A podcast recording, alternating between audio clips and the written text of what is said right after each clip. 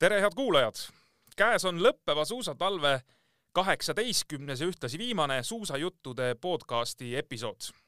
loodetavasti oleme suutnud pakkuda huvitavat kuulamist ja üks hariv jutuajamine on meil veel varuks. Podcasti tänane külaline tuleb Võrumaalt. tere tulemast saatesse Poola naiste murdmaasuusakoondise hooldetiimi pealik Jaan Alvela. tere, tere! Äh, me ei ole päris ühes kohas, mina olen Tallinna stuudios, sina oled äh, Võrumaal ja ma saan aru, et sa käisid täna hommikul veel suusatiirul, et teil on päris talv seal. ja, Haanjas on suurepärased olud, nii et äh, kõik, kes kuulavad seda, ma arvan, et siin, siinkandis saab suusatada veel kuu aega. Et äh, oli värsket tund peale tulnud, sai esimesed suusajäljed tehtud ja on, on, on viimase peal. ja ma, ja ma olen isegi kuulnud, et äh, tegelikult ju Eesti meistrivõistlustelgi osad medalid on jagamata, ma ei pea silmas murdmaasuusatamist, seda ma täpselt kursis ei ole, aga ma tean, et nädalavahetusel näiteks suusahüppajad eh, jagavad alles eh, Eesti meistrivõistluste medaleid. Eh, Jaan, sa oled olnud pikka aega juba tippsuusatamises sees, enne kui me selle juurde jõuame, räägiks lahti, kuidas sa suusatamise juurde üldse noorena jõudsid. nii palju, kui ma tean siis äh, sa olid olnud väga hoolas treeningutel käia, väga kohusetundlik äh, suusatamine sulle olevat, olevat meeldinud algusest peale aga ütleme, sportlikud tulemused tulid kuidagi visalt ja lõppkokkuvõttes sa, sa läksidki teise suuna peale, sinust ei saanud tippsportlast, vaid sinust sai tippsportlaste abimees. aga kuidas see päris algus oli, et kas sa läksidki omal initsiatiivil suusatama või keegi võttis käe kõrvale ja, ja ütles, et nüüd läheme suusatrenni? ja seda, seda algust, see oli nii ammu juba, et ega nii täpselt ei mäletagi, aga umbes see niimoodi oli, et, ähm, et meil Võrus oli oli too aeg, kui ma noor olin, oli põhimõtteliselt kaks äh, varianti, kaks spordiala, mida teha. üks oli võrkpall ja teine oli suusatamine. ja kuna siis, äh, kuna siis käis Laur Luukin, legendaarne, meie kohalik äh, legendaarne treener, käis siis koolis nii-öelda rääkimas, et oleks vaja uusi noori talente leida. ja, ja käis rääkimas, et kes on huvitatud tulema trenni ja siis sellest jutust pea, peale ma siis võtsin suusad näppu ja, ja meil oli ka klassis siis niisugune hea punt, et, et me hakkasime kambakesi seal käima, kes seal, kes tegi seda tõsisemalt ja kes vähem tõsisemalt, aga, aga mulle nagu meeldis ja, ja, ja, ja jäingi sinna selle asja juurde. nii et põhimõtteliselt, kas me võime öelda, et sa oled algusest peale olnud ühe spordiala mees? Äh, eks loomulikult siin ju sai proovitud erinevaid asju jah, sai võrkpalli ja kergejõustikku ja kõike muud, aga, aga see suusa, suusatamine nagu sobis tol hetkel kõige paremini ja ma arvan, et lisaks siis veel see, see nagu minu treen-, treeningute algus sattus ka sellele ajale, kui Eesti suusatamine hakkas maailma areenil ka pilti tekkima ja, ja tänu sellele ikkagi suusa, suusamees olid siis, olid ikka igal pool au sees ausas tegija.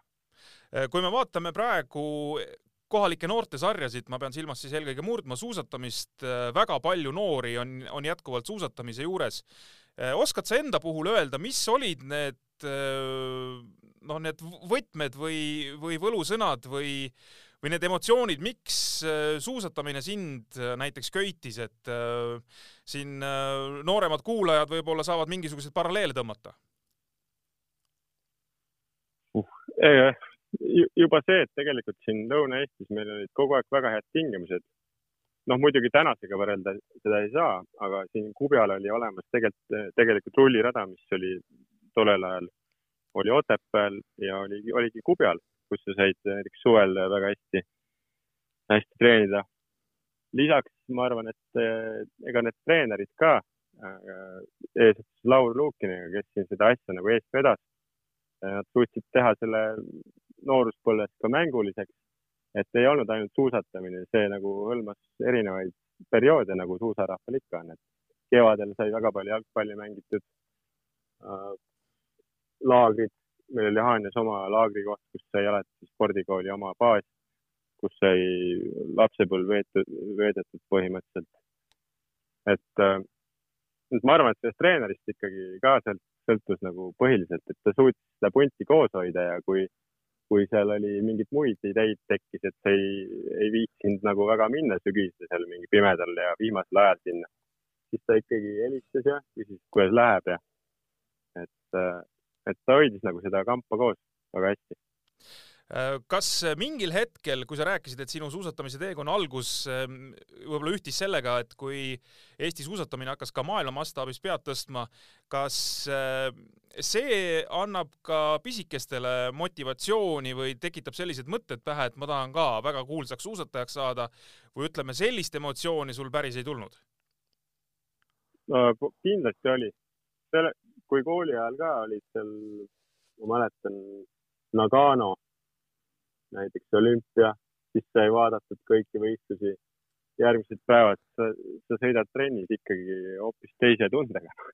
kannad välguvad selles mõttes, et sa tahad samastada ennast nende, nende tänaste staaridega ja, ja see kindlasti nagu motiveeris kõvasti too aeg tegid sporti, mingil hetkel tuli teadmine, et võib-olla päris tippsportlaseks ei saa, et millal see selgushetk äh, tuli, et on see sul meeles?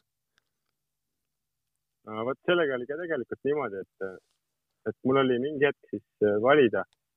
Äh, Jaanus Steppan tol ajal oli, oli minu meelest Otepääl treener seal internaatkooli, koolis siis ja, ja kutsus mind ka, see oli siis niimoodi, et peale ühe, peale põhikooli haridust saad sinna minna ja siis keskendudagi treenimisele ja, ja saada enda keskkoolihariduse siis ka.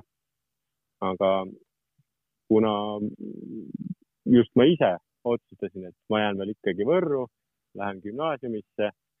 Äh, ja, ja, ja siis tegelikult äh, tagantjärgi ma olen mõelnud, et see oli see hetk, kui oli nagu, sai tehtud viga nagu spordi mõttes, et seal Otepääl oleks saanud enda, enda maksimumi kindlasti teada, kuna head tingimused ja, ja head treenerid et siin ikkagi mingitel hetkedel peale pikki koolipäevi kuskil sügisel jooksid imitatsiooni kuskil metsa all äh, pimedas, kui teised olid juba kuskil levil lume peal ja sealt hakkas see vahe nii suur kärisema, et, et mingi hetk said aru, et, et ei tule, ei tule välja äh,. aga hoopis tööle minna. ja, aga see kooli, kooli jäämine oli siis tingitud millest, et sa ikkagi tahtsid äh, kodukoolis äh, lõpuni käia kogu kooliteekonna või, või mäletad sa seda ka, et miks sa ikkagi ei läinud? ja pigem oli, pigem oli see ka, et äh, vanemad, kes on olnud siin koolis nii vanaema kui, kui mul isa on olnud siis õpetajad, eks nende poolt tuli ka võib-olla mingil määral, et, et haridus on ikka ka oluline, noh, et, et mitte, mitte siis ainult sport ja oleks siis olnud enne seda juba mingi tõeline talent, onju, siis ei oleks ju küsimust olnud, aga, aga oli niikuinii nii ja naa ja, ja miks see nii oli, seda tagantjärgi ei oska öelda, et, et eks ma olin tõesti väga innustunud treenija, et võib-olla mingis vanuse, vanuses sai natuke liiga tehtud ka endale Äh, no oli, kuidas oli suusaspordile sa kaduma kindlasti ei ole läinud. Äh, sa, me siin enne vestlesime, sa oled juba käinud hooldemehena neljadel olümpiamängudel erinevate koondistega, noh, ärme teisi tiitlivõistlusi üldse sinna nii-öelda patta pane, et neid on veel oluliselt rohkem. et äh, selles mõttes sa oled ikkagi ju no täiega suusaspordis sees ja suures suusaspordis sees. ja seda küll, jah Endale oled Seda... ise vahest imestanud ka? Kusjuures jaa, see aasta, kui ma neljandatel olümpiamängudel oma kolmekümne kuuendat sünnipäeva pidasin, siis äh, oli küll niisugune huvitav tunne, et, et seda tööd on ikka tehtud ikka oma äh,, nende aastate jooksul ikka, ikka väga pikalt, jah äh, kuidas äh, sinu puhul see algus oli, meil on siin käinud külas ka äh, hooldemeestest sellised mehed kui Mihhail Lukertšenko ja Sergei Lopuhhin. Et eh, kõikidel teil on oma lugu ja, ja kes kuidas sinna hooldetiimi satub, eh, on siin täiesti selliseid noh, nii-öelda juhuslikke lugusid. aga kuidas sinul? jah uh,, mul oli alg-, algus oli tegelikult niimoodi, et uh, suusaliidul oli vaja mm, kedagi, kes siis käiks äh, üldse mingi teise ešeloni võistlustel, näiteks Skandinaavia karikad ja, ja, ja juunioride maailmameistrivõistlused ja tollel ajal siis oli ka Peep Koidu äh,. ei olnud nagu koondise määrdemees, vaid ta oli vist pikama tiimi kellegiga, ehk siis tal oli mingi, mingil ajal võimalik käia nendel Skandinaavia etappidel ka. ja oli siis vaja kedagi sinna lisaks. ja Raul Olle võttis minuga ühendust, ma töötasin too aeg siis äh, ülikooli kõrvalt ka Võrus Silla spordipoes.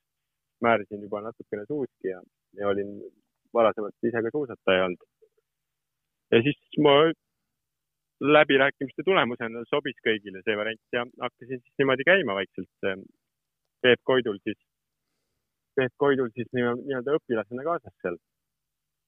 ja, ja mulle väga meeldis, ma arvan, et see oli, see oli juba esimene juuniorite mm, see oli vist kas kaks tuhat seitse Malleesis Itaalias, kui oli nii, et Peep läks varem ära ja teatajaks jättis siis mind ja Sergei Lopuhkinit kahekesi sinna. Ja pidime seal hakkama saama. ja, ja võtsime seal, Karel Tammer ütles, et natuke palju on määret, võtsime natuke alt ära tal ja tuli välja super, super hea libe suusk tal. ja esimest äh, vahetust klassikas siis Eesti juhtis, ma arvan, mingi paarkümmend sekundit äkki või terve maailma ees, et see oli nagu uhke tunne. ja ma arvan, et sealt siis hakkaski pihta, et hakkas huvitama see, see suusamäärimine äh, ja ma just, sa juba ennetasid ja rääkisid ära, tegelikult ma tahtsingi küsida, et kui vanemad mehed sealt ära läksid ja teid nooremaid jäeti ametisse, et kas saite hakkama, aga ei ole küsimust, et äh, saite väga hästi, ma sain aru. nojah, see oli see niimoodi nii-öelda algus, et hiljem siis peale seda kaks tuhat üksteist, kui see Oslo mm oli. et alguses ma töötasin siis äh, Eesti koondise hooldena koos siis Urmas Välbe, Margo Pulle, Eero Bergmann ja Mihhail Kertsenko. Äh, see oli, olime viiekesi. ma segan korra vahele, kaks tuhat üksteist Oslo mm, sa olid juba ju äh, täiskasvanute koondise hooldetiimi täieõiguslik liige, eks? ja, ja, ja, ja. või mis aastal, mis aastal see, mis aastal see liitumine juba toimus sul? see oli tegelikult niimoodi, et ma olin nais, alguses läksin siis sealt, hakkasin naiste hooldemeheks ja noortega tegelema. Aga pull oligi see, et ma käisin seal U kakskümmend kolm ja juunioride MM-idel ja ma olin tegelikult ise ka veel U kakskümmend kolm. et ma hakkasin nagu üsna vara pihta. ja, ja see oli Liberec MM-il kaks tuhat üheksa, siis äh, mind võeti naistele suuski määrima sinna. ja, ja kuna Aare Mets oli siis sealt too hetk peale seda MM-i lahkumas, läks siis Kovaltsiku juurde, siis tehti mulle ettepanek, et kas ma ei, kas ma ei sooviks täiskohaga tulla siis hooldesse ja just, just sattus siis olümpiaaasta ka, oli see Vancouveri aasta. et siis ma olin esimest aastat nii-öelda täieõiguslik Eesti koondise hooldemeeskonna liige, jah äh, ma mäletan sedasama perioodi, see oli seal kahe tuhande kümne või üheteistkümnenda kandis, kui Mati Alaver äh, väga kiitis sind, et meil tuleb vot selline noor hooldemees äh, ja pange tähele, ta jõuab väga kaugele, et selles mõttes on äh, Mati Alaveril kahtlemata õigus olnud, et sa oled äh, ju tegelikult nüüd noh, võib siis öelda, et välisriigi suusakoondise hooldetiimi pealik, noh, okei okay,, poolakatel on naised ja mehed lahku löödud, aga ikkagi, et see on juba selline väga vastutusrikas amet ikkagi. no eks ikka jaa aga, aga eks noh, tollel ajal Mati investeeris kõvasti sellesse nii-öelda noortesse ka just nagu hoolde seisukohalt, et, ega sealtkaudu äh, tulid samamoodi ju Sergei ja, ja Miisa tulid grammikene enne mind sinna koondise juurde ja siis mina. ja siis tegelikult oligi, et me olime Miisaga kahekesi siis äh, need noored nii-öelda, et saime oma laua taga seal oma asju teha ja, ja, ja mõelda, kuidas veel paremini teha. Äh, kas me siinkohal võime rääkida ka mõnest äh, väga olulisest õpetajast, äh, kelle, noh, kelle kaudu sa oled võib-olla kõige rohkem seda, seda kunsti omandanud, kuidas olla, olla hea hooldemees või, või ütleme siis määrdemees, et, et on sul selline noh, väga, väga konkreetne õpetaja olnud, loomulikult igalt poolt äh, jääb natuke näppude vahele või, või see teadmine tuleb niimoodi tõesti, et äh, noh, nii puru puru haaval, et võtad selle teadmise ülesse? no see on pigem, pigem ma ütleks ka, et see tuleb ikkagi jupp jupp haaval, et erinevate inimestega ja õnneks on, õnneks on mul olnud tõesti kõrval väga head kogenud ja, ja inimesed, kes, kellelt on alati olnud midagi võtta.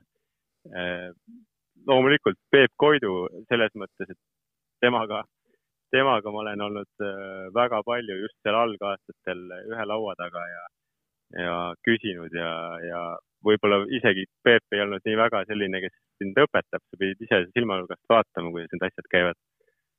ja, ja mul on ka olnud siin öö, eh, võimalik töötada ja just siis, kui ma Kasahstanis olin ka soomlast, Soome kolleegiga ja, ja ka ühe rootslasega, kes täna töötab juba aastaid Norra koondise juures. et ka sealt eh, on, on päris palju niisuguseid uusi mõtteid, ideid saadud. ja siis eks nende kõigi asjade juures on alati see, et, et sa võtad selle endale ja, ja tegeled sellega edasi või, või saad seda veel mingi oma suuna leida asjades sa oled olnud, ähm, ütleme, kui me täiskasvanute koondisest räägime, siis Eesti, Kasahstani ja, ja Poola koondis. kas on vahe ka, äh, kus, äh, millise koondise juures olla, et see töö võib, võib olla erinev, ma saan aru, noh, kui on suur äh, tiim, erinevad rollid, väiksem tiim, siis võib-olla kõik need tiimiliikmed peavad mm, rohkem kõike jagama ja võib-olla noh, enam-vähem kõike tegema. aga kui suured need erinevused on erinevates tiimides? Ja minul ei olegi nagu olnud sellist, sellist äh, kogemust, et töötada mingis mammuttiimis, nagu on siis nüüd Norra ja, ja Venemaa ja siuksed, et kus, kus sisuliselt äh, sa oled määrdemees, aga ma arvan, et seal tekib päris paljudel äh, ka sellist asja, et sulle öeldakse, mis sa alla paned suusale, võistsuusale, et sa ise nagu reaalselt proovida ei saagi. et äh, ma olen olnud alati selliste pigem väiksemate tiimide juures ja, ja see tähendab seda tõesti, et et sa pead ähm, igas äh, väikses detailis selle, selle lõpptulemuseni siis äh,, siis teadma, et, et mis tegema peab ja tunnetama ise ja võtma nagu lõppotsuseid ka ise vastu äh,. et, see on kindlasti erinev mm. -hmm. korra vahepalana selline, selline mõttekäik, et äh, kogu aeg räägitakse, et hooldemeestel on tegelikult hästi pikad tööpäevad ja, ja, ja kindlasti ongi, et hommikul vara üles, noh, nii-öelda kõik vaja ette valmistada, ma ei tea, testida, mis iganes väga,, väga-väga arusaadav ja ja see kõik algabki väga vara. ma saan samas aru, et on ka võib-olla selliseid natuke lihtsamaid perioode, näiteks eh, hooaja alguses, kus eh, isegi tuleb vahest pähe selline mõte, et teeks natukene pulli et ma siin vihjan kahe tuhande neljateistkümnenda aasta sügisele leidsin ühe loo, kus Jaan Alvela ja Raul Seemaa on Olosel laagris olles teinud omavahel võistluse, kes rohkem hiiri kinni püüab? jah, on ikka jah, siukseid asju ka. töövälisel ajal ikka pead midagi meelelahutust endale leidma, aga seal sügisel, kui läheb külmaks seal põhjas, eks närilised ikka otsivad sooja kohta ja kui eestlane tuleb sinna ja paneb kõik elektriradikad põhja, siis paraku hakkab sul krõbin pihta kuskil kapis, noh. et eks me siis võidu seal tegime mäletad, mäletad tulemust ka? ma, ma tõesti, ma Rauli käest peaks küsima, et kuidas see lõpuks jäi, aga ma, ma arvan, et ma võitsin. no muidugi, ma arvan, Raul arvab ka, et ta võitis aga võime uuesti teha absoluutselt, siit äh, Raulile väljakutse. on äh, kellegi suusaparki olnud ka väga ma ei tea, raske hooldada, no mis iganes mõttes, ma, ma ei, ma ei pea nagu konkreetselt silmas äh, äh, määrimist või, või nii-öelda võistlusteks valmistumist äh,, võib-olla lihtsalt ülemäära palju suuski, võib-olla mingid muud jamad, noh et, et tõesti, noh, kui sa nagu meenutad natuke tagasi, mõtled, kogu aeg oli hirmus peavalu. no on küll, ühe korra on ikkagi ennast suuska, suusakottide alt välja töötatud äh, ja see oli siis, äh, kui meil hakkas koostöö siis selle mm, Poltaraniniga, et kui tal need suusakotid Otepääle toodi sealt Kasahstanist või, või, või kust need tulid. ja, ja, ja neid oli Slotepel terve see ruum täis. ja neid oli kokku sada nelikümmend paari ühe inimese kohta äh, alguses ja ei olnud mitte ühtegi eelnevat informatsiooni, et kus, mis on läinud ja nii edasi. Et siis see oli küll päris tõsine nagu väljakutse.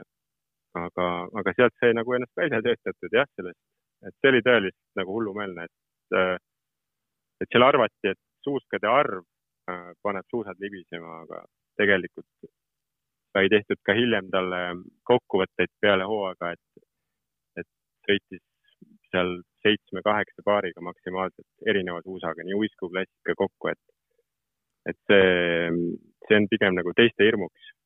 ja, ja just, kui sul on väike hooldetiim, siis sellise hulga suuskade juures ei, võib just viga sisse tulla, kuna minnakse otsima midagi, mida, mida on raske leida, et et äh, see oli jah, mhm. niisugune -hmm. keerulisem. ma saan aru, äh, Kasahstani tiimiga töö toimus siis, äh, parandan, kui ma eksin, kaks tuhat neliteist kuni kaks tuhat üheksateist? jah, just.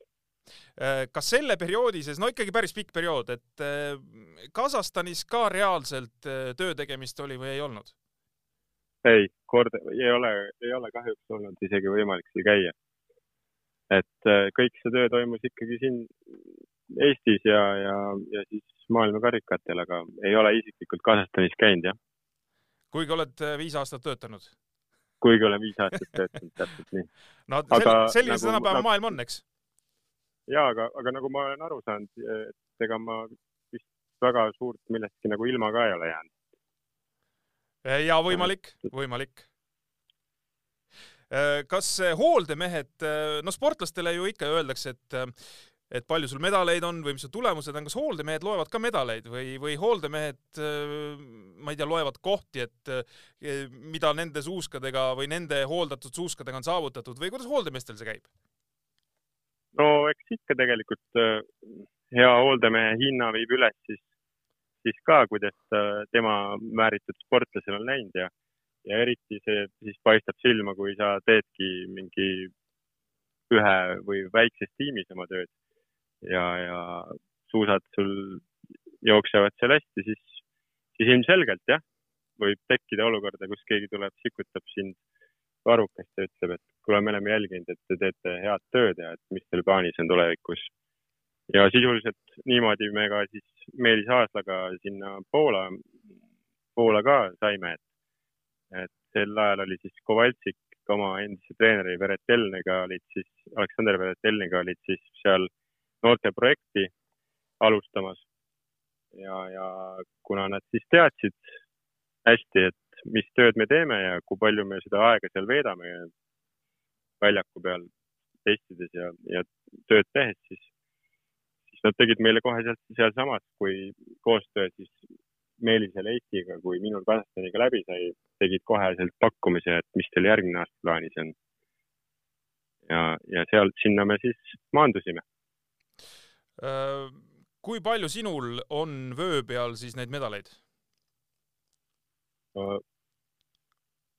Täiskasvanute maailmameistrivõistlustelt, olümpiatelt paraku ei ole mitte ühtegi. aga, aga äh, juuniorite maailmameistrivõistlustelt viimasel kolme aastaga, nelja aastaga on siis kokku kaheksa medalit. et äh, see on just niisugune nagu noorte, noorteprojekt, mis meil Poolas on, et kõik need naised, kui me seal alustasime, olid ka vanuses äh, kuusteist kuni kaheksateist.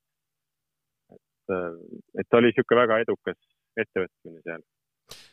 kuni siis, kuni, kuni siis selle aastani, jah äh, nii et see tähendab, et Poolal on siis tulemas päris hea naissuusatajate plejaad? jah, ma arvan, ma usun küll jah, seal vähemalt äh, alaliidu poolt ja, ja, ja mingi, kellelgi mingeid takistusi ei ole tehtud, et seal see spordisüsteem toimib väga hästi. Äh, sul on äh, käed löödud poolakatega nüüd pikalt või, või üldse, kui pikki lepinguid selles maailmas tehakse? no, no üldjuhul on niimoodi, et niimoodi vaikimisi ikkagi niisugune nelja-aastane projekt on nagu, on normaalne olümpiatsükkel. kuna see hooldetöö on ka nii, et, et see on step by step, aasta-aastalt paremaks ja paremaks. aga, aga reaalsuses on see, et tegelikult iga, iga kevad ikkagi vaadatakse uuesti lepingud üle. Äh, ja, ja praegune see maailma seis on ka selline, et on see Covid, järgmine hetk äh, on sõda, et äh, pigem vaadatakse jah, ikka iga aasta kevadel need, need lepingud nagu üle. aga praegu ma saan aru, ütleme sellised pikemad sihid või, või ütleme, suurem plaan on ikkagi seotud Poola naiste suusakoondisega? täna hetkel ongi peale olümpiat niisugune, niisugune hetk, niisugune aja, niisugune aken nii-öelda määrdemeeste jaoks ka, et, et äh, elame-näeme nii-öelda. kindlasti Poolas töötame, aga kas murdmaas või peatanis, see, seda veel, see on veel lahtine, et kuna, kuna seal on jah, on võimalik teha vist tõenäoliselt mõlemas, mõlemas alas, nüüd tuleb lihtsalt äh, enda jaoks ära otsustada kas äh. olen valmis, kas oleme, oleme valmis loobuma klassika määrimisest? okei okay., kui, kui, kui me sellest suusa määrimisest üldse räägime, siis äh, mina, kes ma olen äh, tegelikult nagu võhik, olen aru saanud, et tänasel päeval on suusa juures kõige tähtsam hoopis see, milline muster seal all on, mitte eelkõige määret. seda määret, noh, sellega on nagu ütleme, suhteliselt keeruline mööda panna, aga seda ütleme, suurt eelist võib-olla on pigem ikkagi võimalik saada selle mustriga, mis on seal suusal. nojah, tegelikult, tegelikult vastab tõele jah, et äh, ütleme, et selle pulbri, mis äh, sul sellel kindlal päeval seal libiseb, selle leiavad üles seal väljaku peal kõik, kes seal vähegi järgi proovivad, aga, aga see suusk ise ennekõike peab olema, olema hea ja, ja praegult kindlasti ja ikkagi need äh, liftid ka, mis sinna alla saab, see on need kaks asja, hea suusk ja õige lift, siis on see tugev vundament on olemas selleks, et, et, et midagi valesti sul ei lähe seal. kui palju hooldemehe töö üldse on muutunud selle ajaga, kui sa väga noorelt alustasid, me oleme rääkinud, et sa oled oled juba neljadel olümpiamängudel käinud, sul on tegelikult väga korralik äh, kogemuste pagas olemas, et kui palju selle aja jooksul äh, see töö ise muutunud on? no üks asi on, on loomulikult ja äh, suus ja suuste määrimine kui selline on ikka kõvasti just nende mustrite arvelt üks asi. Suusad on, konstruktsioonid, kõik on muutunud aja jooksul, aga ma arvan, et isegi kõige suurem muutus on olnud võib-olla tehnika, kuidas suusatatakse, et, et seal, kui mina alustasin, siis sööti rohkem niisugust nii-öelda klassikalist suusatamist. täna ka klassikalises tehnikas äh, määritakse suuski päris palju just libisema äh,, kuna ülakehaga tehakse just see, see töö ära seal. Et on nagu, on muutunud suusa, suusatamise tehnika ka selles mõttes. määrimise seisukohalt loomulikult uued asjad tulevad, kiiremad, lihtmasinad äh, teevad lihve alla, kõik, kõik see. aga, aga võib-olla jah, suusatehnika on nagu muutunud, klassikas eriti. Äh, ma saan aru, et äh, hooaja lõpuks on pidamismäärad kõvasti üle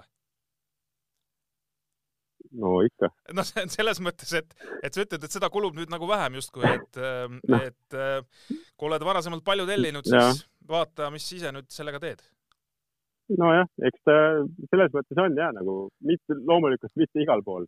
nüüd viimane olümpia, kus me käisime, seal oli justkui tagasi vanakooli. Äh, sellepärast, et äh, väga aeglased olud, ülirasked rajad, pluss veel kõrgus. Et seal pidi nagu sõitma nagu vanasti jah, rohkem tõuke peale. No siin on äh, olümpiamängude järgselt või olümpiamängude ajal oli ka päris palju kuulda sportlaste arvamusi nendest olümpiaradadest. Äh, äh, hooldemeestega me pärast olümpiat rääkinud ei ole, et äkki sa valgustaksid, mis need eripärad seal siis olid, et see, ma saan aru, see lumi oli seal vähe teistsugune, kui me siin Euroopas sõitudel oleme harjunud nägema ja, ja kindlasti mingid muud olud veel, ma usun. ja eks see see olümpia oli, ütleme, et lumi oli kuiv. väga tuuline koht ja lisaks sellele, ma arvan, et sellel olümpial oli võimalik teha üsna suuri vahesid jah, nende samade kiviliftidega. kuna kui sul lihtsalt suusapargis sellise ilma, sellise, selliste olude jaoks ei olnud suuska ja, ja õiget lihvi selle all, siis oli ikkagi just uisus oli ikka väga keeruline, väga keeruline Te,. Teil oli olemas? meil oli olemas jah äh,, õnneks. et äh, olümpial puutusite kokku oma, ütleme Eesti siis kolleegidega ka teistest tiimidest või kuidas, kui tihe see värk seal äh, on, et äh, on võimalus suhelda igal pool või, või on mõned võistlused, ma ei tea, tõesti on, on selline, selline meeletu rapsimine, et ega, ega kõrvale ei jõuagi vaadata?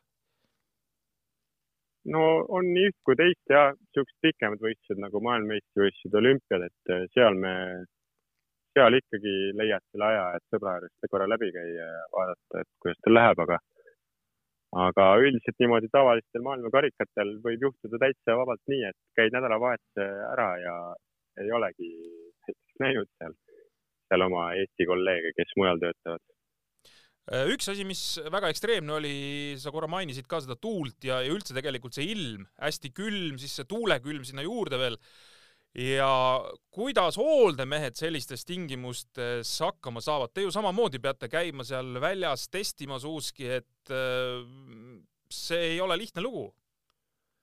jah, nagu olümpial oligi, et just see viiskümmend, viiskümmend kilomeetrit meeste sõit seal lühendati ja ja just ilm, selle külma tõttu, aga hooldemehel tähendab see seda, et sa teed ikkagi oma kogu tööprotsessi mitu tundi seal enne võistlust testid suuski seal õues. et siis meile see ei laiene, see, et äh, on, on, on karmid olud mm. -hmm. ja et, et kui viimasel hetkel tuleb otsus, et üldse võistlus jääb ära, siis on selge, pakime asjad kokku ja, ja, ja kõik, aga, aga meie peame ikkagi iga ilmaga ja iga kell selle töö ära tegema. tuleb panna lihtsalt paksemad kindad kätte ja, ja, ja paksud püksid jalga ja pole midagi. karupüksid tuleb kapist välja otsida. Äh, ma olen aru saanud, et, et hooldemehe töö tähendab ka, ka vanades andmetes tuhnimist. Äh, on see, on see veel nii-öelda tänapäeva tehnika, et vaadataksegi, et kui on noh, mingisugused olud, et et ahaa, mul meenub, et seal seitse aastat tagasi oli midagi sarnast, et ma viskan pilgu peale ja mis me siis tegime, et te ühesõnaga märgite ikkagi asju ülesse ja saate takkajärgi vaadata, et et äh, võib-olla mõni hea retsept nagu võtta? ja, seda kindlasti ja ma arvan, et seda teevad meist kõik. et äh, eks kui sa käid juba aastaid sama karusselli pidi, siis need kohad, kus sa käid, on, on ka täpselt samad ja, ja ilmamuster ja, ja asjad võivad seal täitsa vabalt äh, korduda ja mitte see ei tähenda nüüd seda, et, et sa võtad sealt ja, ja midagi järgi ei proovigi, onju aga et väikest ideed või suunda, et mis on olnud, saad sa sealt ikka ja, ja ma arvan, et seda teevad kõik hooldemehed, ma enam kui kindel kas sul, kas sul endal näiteks sellega seoses tuleb mõni lahe lugu meelde, et äh, kus, kus sa mäletad, et, et vot nii oli ja, ja tegelikult oli väga kõva abi? ma nüüd eksprompt küsin, onju, et sul võib olla keeruline seda lugu võtta kohe, aga. jaa, aga ei ole niimoodi ma arvan, et pigem lihtsalt vaatad niimoodi üldiselt üle, et sulailmadega oleme käinud nendes, nendes kohtades. meenub, et seal oli ka näiteks väga kuiv. Äh, ja lööd siis selle õige aasta, õige koha oma vihikus lahti, vaatad järgi, et kuidas meil siis seal läks. aga noh, üldiselt ega, ega neid, need asjad on ikkagi, tulevad sul juba sinna lauale ka ilma, ilma väga palju seal vihikut keeramata. pigem siis need käsistruktuurid on niisugused asjad, äh, mida võib-olla nagu piilud rohkem, et ja pidamises on ka täpselt nii, et, et kuidas kellelgi. et äh, igal, ma usun, et igal, igal hooldemehel on oma mingid lemmik, lemmikvariandid, mida sa teatud ilmadega nagu ikka paned kõrvale ja üritad uute asjade vastu proovida. Äh, sa oled korra sattunud ka sellisesse, noh, kuidas ma ütlen, väga ebameeldivasse olukorda, ma pean silmas Seefeldi maailmameistrivõistlusi kaks tuhat üheksateist, kus siis äh, toimusid äh, dopinguskandaalid ja, ja seal olid ka meie inimesed mm -hmm. seotud. sa olid toona Kasahstani koondise hooldemees. et kas, kui selline asi seal juhtus, et kas kuidagi, ma ei tea, kõigi peale vaadatakse viltu, kes on mõne koondisega seotud, kus selline paha lugu nii-öelda esile tuleb, halb lugu või ikkagi vaadatakse noh, konkreetset persoone, et teised justkui asjasse ei puutu? Loomulikult vaadati ikka viltu, noh, see on sisuliselt nagu tänane, tänanegi seis siin, noh. et, et loomulikult ja veel oli see ka, et mina sealt Seefeldist ära ei läinud, et ma jäin sinna Kasahstani siis nii-öelda oma lepingut lõpuni töötama ja, ja aitame siis nii-öelda seda ülejäänud tiimi, kes seal oli. ja ütleme nii, et oli raske küll teha tööd jah, seal, kui su kõik kolleegid ümberringi vaatavad sind sellise altkulmu pilguga kergelt, aga, aga üldiselt, üldiselt lõpuks ei olnud sellest nagu, ei olnud sellest vast väga hullu. Äh, sa kusagil mainisid, ma, mul jäi silma internetiavastus, et, et peaks hakkama endale ka äh, panema lepingutesse punkti, et äh, kui keegi sportlastest, keda sa teenindad, kuskil dopinguga vahele jääb ja on sellega tegelenud, siis tuleks mainekahju hüvitada ka määrdemeestele. jah, jah, iseenesest on see nagu, on see nii, jah. et sest. et tänaseks on, täna, tänaseks on need parandused tehtud lepingutes, et äh, on, oleme täitsa saanud niisuguse punkti panna sisse et kui midagi sellist peab, sellist peaks olema, siis vähemalt lepinguperiood tuleb kindlasti maksta nagu lõpuni kinni ja, ja nii edasi, nii edasi. aga, aga noh, elu õpetab. ja, ja ma sain aru, et, et sul selles mõttes ju ikkagi läks elu kenasti edasi, et, et see, kas Poola tuligi siis selle, selle järgi sealt, eks jah? ja, põhimõtteliselt sealtsamast jah, kohe. aga sa ei aga ole no,, nii? ega, ega me selles mõttes ei tea, et, et võib-olla miskit head, äh, head tööd kuskil jäi veel selle tõttu ka tulemata et äh, seda ma ei oska nagu ka öelda. ja võib-olla oled kusagil nimekirjades sees ja, ja sellise asja järel tõmmatakse sealt nimekiri lihtsalt natuke koomale. absoluutselt, mõned nimed tõmmatakse maha. kui me nüüd tuleme korra kodu, koduste tegemiste juurde, siis kas ma olen õigesti aru saanud, Jaan, et sa oled ka Võru suusaklubi juhatuse liige? olen küll et sa panustad ka tegelikult eh, kodusesse suusatamisse klubilisel tasandil? no jah, nii palju, kui mul, minu võimuses on ja kahjuks on niimoodi, et kuna tegemist suusaklubiga, siis talvel see periood, kus eh, klubil võiks minu oskusi olla eriti vaja, siis ma paraku ei ole üldse siin Eestimaal, aga, aga aitan nii palju, kui saan eh, erineva varustuse leidmisega ja, ja kui kellelgi miskit vaja otse osta kusagilt äh, suuski või, või muud varustust, siis, siis üritan aidata nii palju, kui saan. Äh, kuidas äh, ühel suusaklubil täna Eestis läheb üldse? ma arvan, et hetkel päris hästi. kui vaadata, palju noori, noori käib, noori seal treenib ja no ma arvan, et pigem, pigem päris hästi ja üldse üleüldiselt inimesed liiguvad väljas palju rohkem kui kunagi varem kui ma just tulen tagasi sinna selle aja juurde, kui, kui ma ise alustasin äh, spordi tegemist, siis äh, siin Võru kubjal keppidega suvel imitatsioonitreeningut tehes tihtipeale nägid, kui keegi kõndis mööda ja vaatas siukse pilguga, et, et äh, väheke hullukesed nagu hullu, hullukene oled, et aga täna on see, et inimesed ikka liiguvad kõvasti. Ja peredega ja, ja suusatamine on nagu mõnus spordiala ka, mida sa saad teha terve perega koos. Ja, ja absoluutselt. Ja eks, eks see kindlasti sõltub natukene ka nendest oludest, et kui, kui üks asi oli see koroona, mis peale tuli, võib-olla pani inimesi natukene rohkem liikuma, et saada, saada välja, minna metsa jalutama, et natukenegi noh, nii-öelda värsket õhku, siis äh, teine asi on veel see, et meil on viimased aastad olnud väga korralik talv ja ka see ju loomulikult ärgitab ikkagi, et kui sul on ilus talveilm väljas ma tahangi minna suusatama. absoluutselt jah.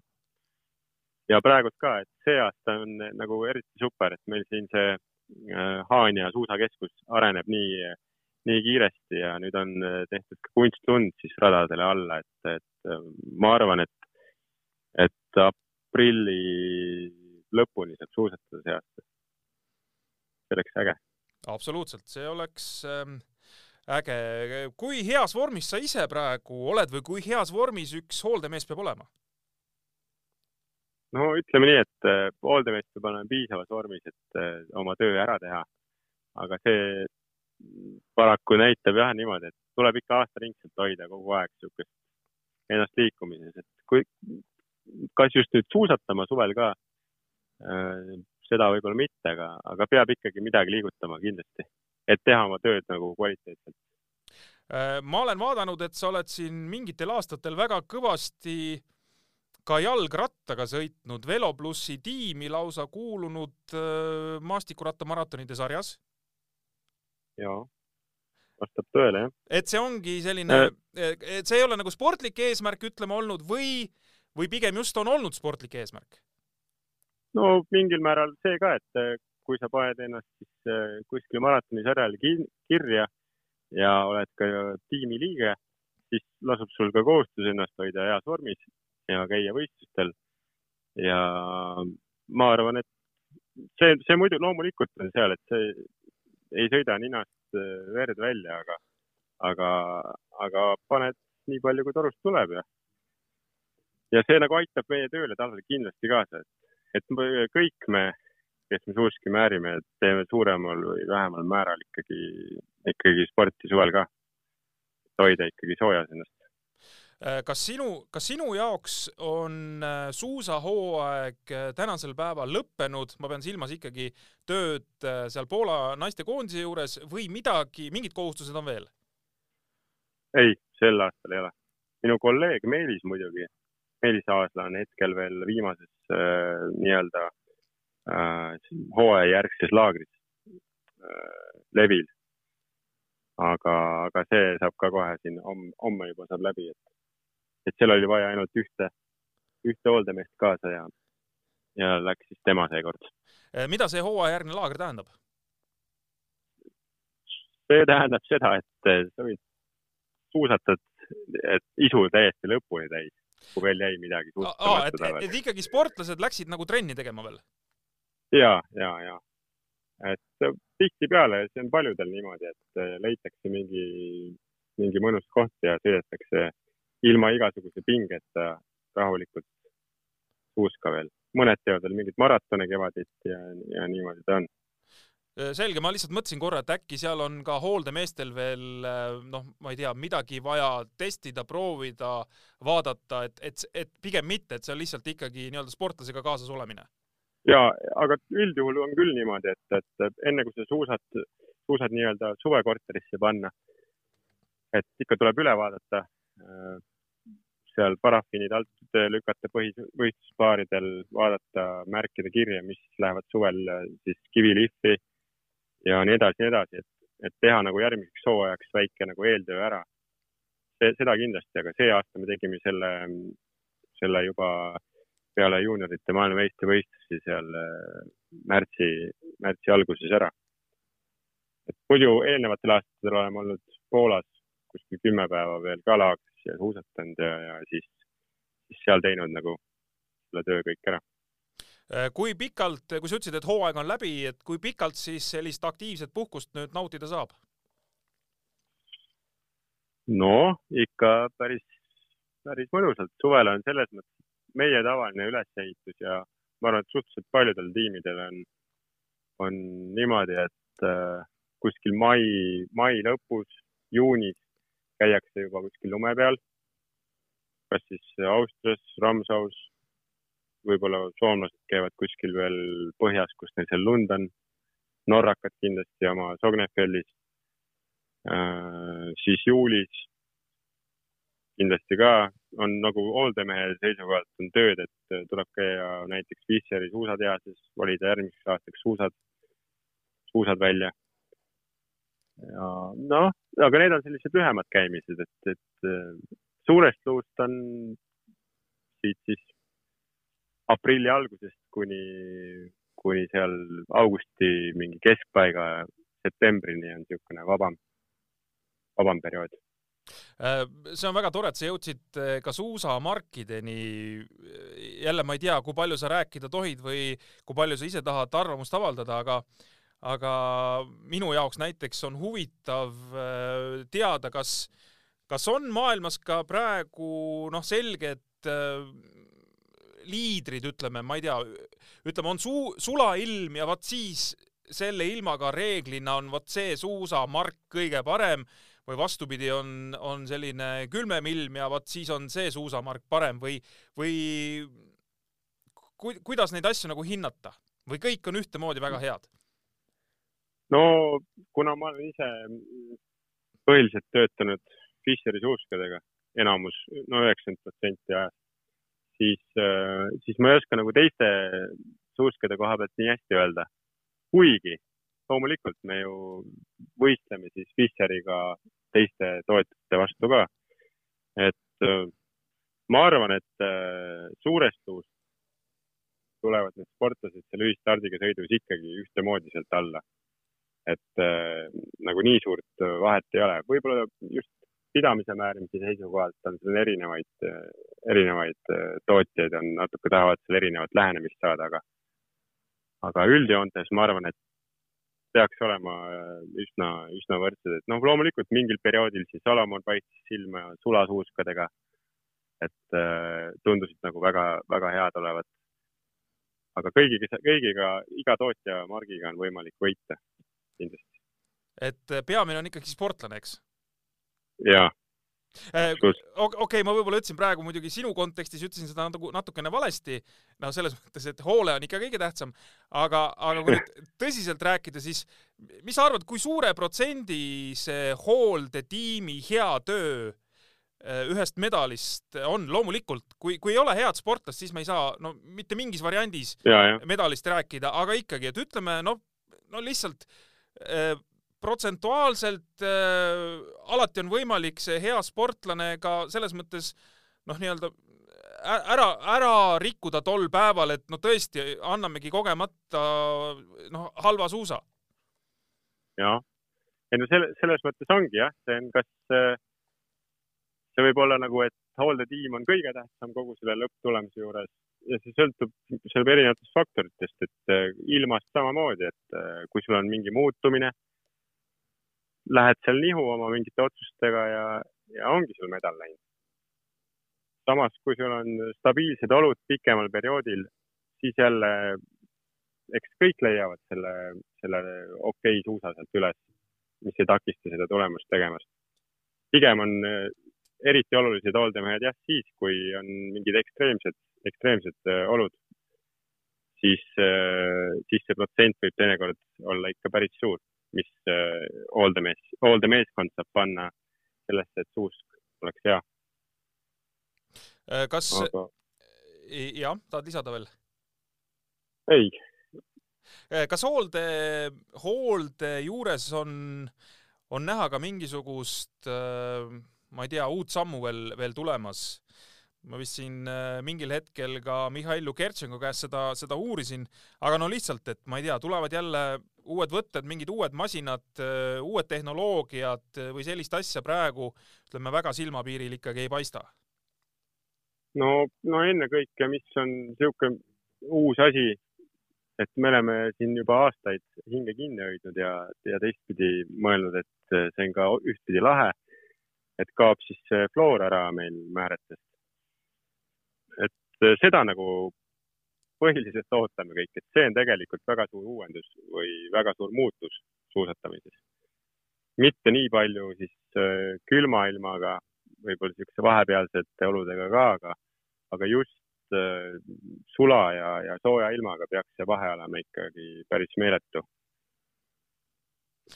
äh, sa oled hetkel kolmkümmend kuus, väga-väga noor mees, täis elujõus, võiks vabalt veel sportlasena ka suusatada. Mis vanuseni hooldemehe tööd tehakse, et kui sa nüüd noh, vaatad nii-öelda pikka tulevikku, palju siis sellel rindel veel mütat annaks? Vot see on väga hea küsimus, ma arvan, et vahest siin tundub niimoodi, et niikaua kui jaksu on, aga üldiselt äh, tahaks äh,, tahaks teha kvaliteetselt oma tööd seega nagu väga-väga kõrges vanuses seda teha on juba raskem, onju ja kunagi ma, ma ei mäleta, kui vana Magne Müürmaa oli, kui ta käis Eesti koondise juures, ta oli ka ikkagi suhteliselt eakas härrasmees juba, eks onju? ja, ja, ja, aga vot seda ma ei, kuna minul oli väga huvitavalt oli see ka, vahest me oleme mõelnud, et ma määrin samamoodi nagu Magne Müürmaa õpetas suuski, aga ma isiklikult äh, ei ole temaga kohtunudki. Et see on see, et äh, tema see akadeemia nii-öelda, see know-how, mis ta siia Eestisse kunagi jättis. et äh, huvitav on mõelda niimoodi, et äh, täna mina määrin suuski samamoodi, kuigi ma ei ole temaga nagu otseselt kokku puutunud. et see on siis läbi erinevate inimeste minu, mulle siis äh, selgeks õpetatud või see on see. see on meie nii-öelda koolkond, Eesti koolkond. ja seda on väga äge mõelda, et, et see noh, mingis mõttes nagu ütleme, traditsioon, mis tuleb suusahällist Norrast, ütleme, eks, ja, ja siis ja. hakkab kuidagi siin hoopis teise koha peal levima, onju. just, aga see oli, see on nagu väga kihvt ja kui ma tegin koostööd, siis äh, rootslasest äh, Mikke Pukiga, kes oli, kellega me olime siis Kasahstanis ühe aasta koos et, et ka tema määris äh, suuski sarnaselt nagu mina tänu sellele, et ka see Skandinaavia mingi idee, ideoloogia suuskade määrimisest äh, ja, ja tänu sellele on, on vahest nagu huvitav mõelda ja, ja eriti nüüd eestlased, kes me siin ringi liigume äh,, oleme siis erinevates hooldetiimides, et ma arvan, et kui me ühe laua taha kõik kokku peaks saama või ühte ruumi ühel heal päeval siis, siis seal tehakse üsna sarnaselt neid suuski ikkagi täna, täna veel kas, äh, no sa nüüd vastu, vastusest äh, libisesid äh, päris osavalt kõrvale selles mõttes, et noh, vanust me teada ei saanud, kui kaua sa teed, aga, aga mm, -hmm. aga kas äh, siis, kui sinu karjääri jooksul äh,, hooldemehe karjääri jooksul tuleb pakkumine Norra tiimilt et äh, Jaan, ole hea mees, kas sa tuleksid meie tiimi tööle, vot siis on kõik asjad tehtud. No siis ma läheks vaataks järgi küll, ma arvan. et see on nagu, et see on Lihtsalt... teie maailmas nagu kõige kõvem sõna, et kui tuleb Norra suusa või murdmaasuusa tiimist tuleb keegi, ütleb, et tule meie hooldemeeskonda, et see oleks nagu kõige kõvem sõna. no eks ikka, loomulikult, sest et sellel alal Norra on ikkagi teerajaja nagu mitmes mõttes, loomulikult noh. Seni vist eestlastele sellist pakkumist tehtud ei ole veel või? ei. ei ole kuulnud küll, eks? ei ole kuulnud küll, jah. Miisa käest peab küsima. ahaa, tema aga, on aga..., tema on äh, sellise ameti peal, et see on nii hea amet, et sealt enam hooldameheks ei taha tagasi minna ja võib-olla aga, aga tegelikult, kui niimoodi, niimoodi võtta, et noh, see on nagu kahe otsaga asi. Võib-olla kui ma olin eh, veel noorem, eh, ma mõtlesin nii, et loomulikult kohe Norra, aga, aga teistpidi on see ka, et, et seal sa oled ühes hästi suures süsteemis, üks väike mutter, aga päris lahe on olla, olla mingis väikses tiimis, kus sa saad kõige juures olla nagu kättpidi, onju. ja seda tulemust äh, nii-öelda näha ja näha, et kas su töö läheb hästi või, või kehvasti või, et see on kuidagi vahetum, noh kas äh, selline, kui sa oled praegu äh, Poola naiste murdmaasuusakoondise hooldetiimi pealik, äh, kui suur vastutus see ikkagi on, no selles mõttes, et selge see, et vahest läheb suusaga paremini, vahest läheb ka halvemini. et kui tõsised need jutuajamised pärast võistlusi on või see sõltub, ma ei tea, treenerist, kui äh, noh, kui keevaline tema on või sõltub sportlasest, kui valjuhäälselt ta midagi välja ütleb, äh, kuidas need asjad on? no eks see ikka on ja, need täpselt needsamad asjad, mis sa nimetasid, et äh, sõltub treenerist, sõltub sportlastest ka, aga noh, üldjuhul kui on mingi jutt, et, et ta oli kehvasti, äh, siis tavaliselt tark ja, ja analüüsiv treener tuleb ka selge põhjenduse või või mingi nagu ideega, et, et miks ta arvab just, et täna oli kehva suusk või, või keskpärane. et see peab olema ka nagu tõestatav, mitte ainult mingi emotsiooni põhjal, kuna sport on teadaolevalt emotsioonid, siis, siis, siis neid emotsioone ikka tuleb ju peale võistlust, kui sa oled pettunud oma tulemuses. Ja no üks asi on see pettumus, ütleme, aga teine asi on ka see, kui võidetakse midagi, ma usun, et ka siis ju tõstetakse esile ikkagi hooldemeeskonda ka väga kõvasti. loomulikult, ikka. et see käib ikka asja juurde, jah suur tänu sulle, Jaan, selle tänase vestluse eest, me hakkame vaikselt otsi kokku tõmbama, mis selline suurem, järgmine suurem siht sinu silmis võiks olla, ma saan aru, et me siin rääkisime korra ka medaleist, et et äh, juunioride tiitlivõistluste medaleid on sul vööl küll, aga täiskasvanute oma ei ole, et, et siis äh, nüüd oleks vaja rabada selle nimel, et, et mõni tuleks. just, nüüd hakkamegi, nüüd on neli aastat aega järgmise olümpiani. nüüd hakkame sellega, sellega pihta ma saan aru, sa, sa veel päris täpselt ei tea, kus sa ikkagi ametis oled? täna jah, et ma arvan, et ma pool aastat töötan kindlasti. et seda, kas, kas me töötame murdmas või peatlis, seda me siis näeme lähinädalatel. ja ma saan aru, et seal sa ei ole siis ainult ju üksi eestlastest, vaid äh, ikkagi mõni, mõni inimene on veel? ja äh, kindlasti Meelis Aasla on, on see, see inimene, kellega ma koos, koos teen asju. kas selline noh, nii-öelda üks mingi tiim öö, äh, on, on noh, kuidas ma ütlen, see on alati hea loomulikult, kui inimesed koos töötavad, aga on see ka nagu vajalik, et, et sul on tiimis mõni liige, ma ei tea, kui sa liigud ühest kohast teise, et oleks hea, kui keegi oleks veel kaasas. absoluutselt mm. -hmm. eriti just, kui sa lähedki oma riigist välja, siis et sul on äh, sul on rohkem kõvem hääl ja rohkem jõudu äh, ka mingeid asju võib-olla läbi suruda, oma mõtteid. et kui sa oled üksi seal äh, näiteks kamba poolakatega, noh, siis on ju väga raske seal äh, nii-öelda võimule pääseda.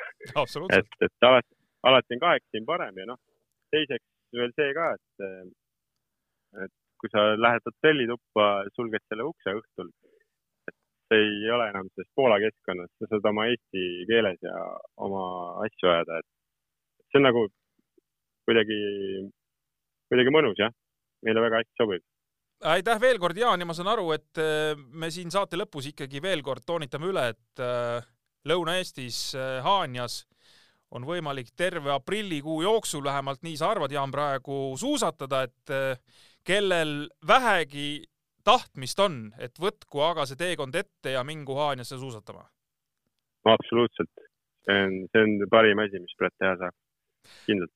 Nonii, sellega tõmbame joone alla selle talve eh, suusajuttude podcastile. minul isiklikult oli väga huvitav, väga, väga huvitavad eh, persoonid, kellega õnnestus vestelda ja mine tea, võib-olla järgmisel talvel kohtume jälle, küll ei ole ees meil olümpiatalv, aga mis siis, suusasport ei kao mitte kusagile, ei kao Eestimaalt ka ja loodetavasti neid ilusaid äh, talveolusid äh, pakuvad järgmised aastad meile samamoodi, nagu siin viimasel kahel aastal on olnud. tänud veel kord, Jaan, tänud kõigile kuulajatele ja ja nüüd siis suusajuttude podcastis pikem paus, aga mine tea, sügisel vastu talve ehk jälle oleme Kuulde raadioses